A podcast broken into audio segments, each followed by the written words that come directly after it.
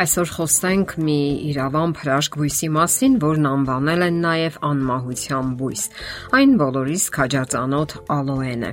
18-րդ դարի նավամատյաններում այսպիսի հետաքրքիր պատմություն է պահպանվել։ Մի ռուս ծովայինի, որ հիվանդացել էր արևադարձային տենդով, ստիպված են լինում իջեցնել նավից եւ թողնել հարավային Աֆրիկայի կղզիներից մեկում։ Մեկ ամիս հետո նավը դարձյալ անցնում էր այդ կղզու մոտով։ Ոչ ոք հույս անգամ չուներ կենթանի տեսնել այդ Ռոբինզոն Կրուզոին, սակայն նրանց մեծ անակնկալ էր սպասվում։ Հյուծված, տանջված հիվանդի փոխարեն նրանք տեսան ուժով լեցուն լիակատար առողջ մի տղամարդու։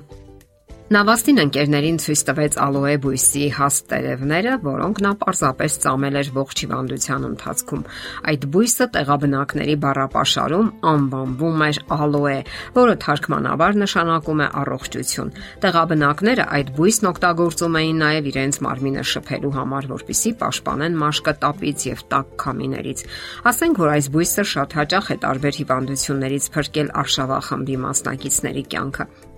Ջրի բացակայության դեպքում խմում էին նրա հյութը, շփում մաշկը եւ կոշտուկները, բուժում դժվար լավացող վերքերը։ Իսկ եթե ինչ որ մեկը հիվանդանում էր, ապա նրան տալիս էին բույսի տերևները ոչ ծամի։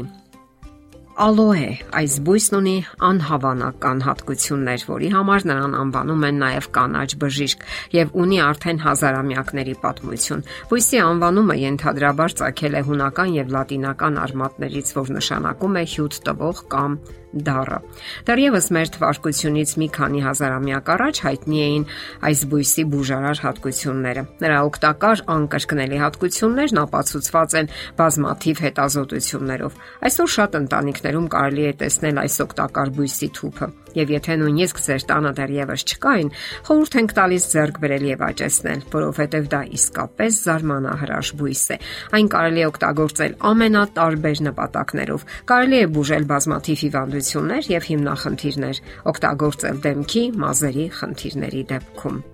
Ալոեն պարունակում է A, B, C, E խմբի վիտամիններ, հարուստ է միկրոտարրերով՝ մանգան, պղինձ, կալիում, նատրիում, ծծում, ֆոսֆոր, քլոր, բրոմ,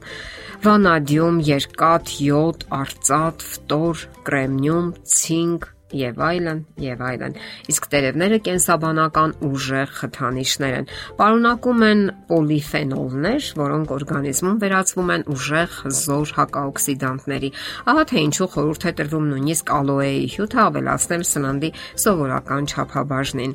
Նախ այն մաքրում է մարսողական համակարգը թունանյութերից եւ ապա հարստացնում օրգանիզմը հզոր հակաօքսիդանտներով։ Ներկայումս գոյություն ունեն բազմաթիվ դեղամիջոցներ ալոեի հիմքի վրա, որոնք օգտագործվում են ստամոքսաղիքային հիվանդությունների ժամանակ, գաստրիտների, ստամոքսի եւ 12 մատնյա աղու խոցերի դեպքում։ Ալոեն օգտակար է նաեւ բրոնխիալ ասթմայի եւ թոքերի տուբերկուլյոզի դեպքում, սակավարյունության ժամանակ։ Այն ամրապնդում է իմունիտետը եւ մաքրում է արյունը։ Աչքի հիվանդությունների բուժման ժամանակ եւս օգտակար է այս բույսը, հատկապես առաջընթաց ապրող կարճատեսության դեպքում։ Ալոեն օգտագործում են նաև այրվածքների բուժման, երկար ժամանակ չլավացող վերքերի ու խոցերի, մաշկի ճառագայթային ախտահարման, բերանի խոռոչի բորբոքային հիվանդությունների, մենստրուացիան կարգավորելու համար։ Ավելի հարմար է օգտագործել ալոեի հենց հյութը, որը պակաս դառն է։ Երբ կտրում ենք այս բույսի տերևը, այնտեղից դուրս է հոսում շատ դառը ջրային հեղուկ։ Դա էլ հենց բույսի հյութն է, որ օգտագործում են դեղամիջոցներ պատրաստելու համար։ Այս հյութը օգտագործում են քրոնիկական փորկապությունների ժամանակ քանի որ հանում է լեղին, ուժեղացնում եւ բարելավում է մարսողությունը։ Սակայն նշենք, որ ալոեն հարկավոր է կիրառել փոքր չափաբաժիններով, այլապես միգուցե թունավորում առաջանա։ Խորհուրդ չի տրվում օգտագործել նաեւ հղիներին, նաեւ ցիստիտի ժամանակ։ Ալոեի հիմքի վրա պատրաստված օգտակար դեղամիջոցների կազմի մեջ օգտագործում են նաև մեղր, որն ուժեղացնում է նրա օգտակար հատկությունները։ Ապացուցվել է, որ ալոեն օգնում է օրգանիզմին, որպիսի մշակի C եւ B12 վիտամինները։ Իսկ այս վիտամինների անբավարարությունը, ինչպես հայտնի է, բացասաբար է ազդում մարդու արտաքին տեսքի, ներքին օրգանների եւ համակարգերի վիճակի վրա։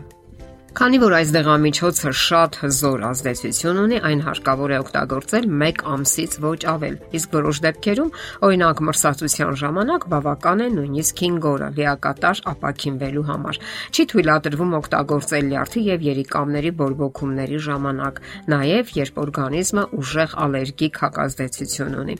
Եվս մի կարևոր պահ՝ նախքան այս հզոր բույսն օգտագործելը հարկավոր է խորհրդակցել բժշկի հետ։ Միայն մասնագետները կարող են ճշգրիտ ասել, թե որն է ճիշտ չափականակը կոնկրետ հիվանդության եւ կոնկրետ մարդու համար, ինչպիսի ընդմիջումներ թույլ տալ, որոնք են հնարավոր հակացությունները ալոե բույսի բոլոր տերևները չէ որ կարելի է կտրել բուժական նպատակով։ Առավել հարմար են ներքին տերևները։ Դրանք միշտ ավելի հասուն են։ Բուժման համար վերցնում են ավելի քան 15 սանտիմետր երկարություն ունեցող տերևները։ Կարելի է կողմնորոշվել տերևների ծայրերով։ Երբ նրանք սկսում են չորանալ, դա ամենահարմար ժամանակն է բուժման համար օգտագործելու նպատակով։ Տերևը կտրում են հիմքին մոտիկ Միայն հարկավոր է հիշել, որ կտրելուց 3 եւ 4 ժամ հետո բաց օթում բույսի բուժական հատկությունների մեծ մասը կորչում է։ Ահա թե ինչու հարկավոր է կտրել օգտագործելուց անմիջապես առաջ։ Դե ինչ, մի անտեսեք բնության հրաշքները։ Դրանք ձեր կողքին են եւ ձեզ համար են նախատեսված։ Եթերում է առողջ ապրելակերպ հաղորդաշարը։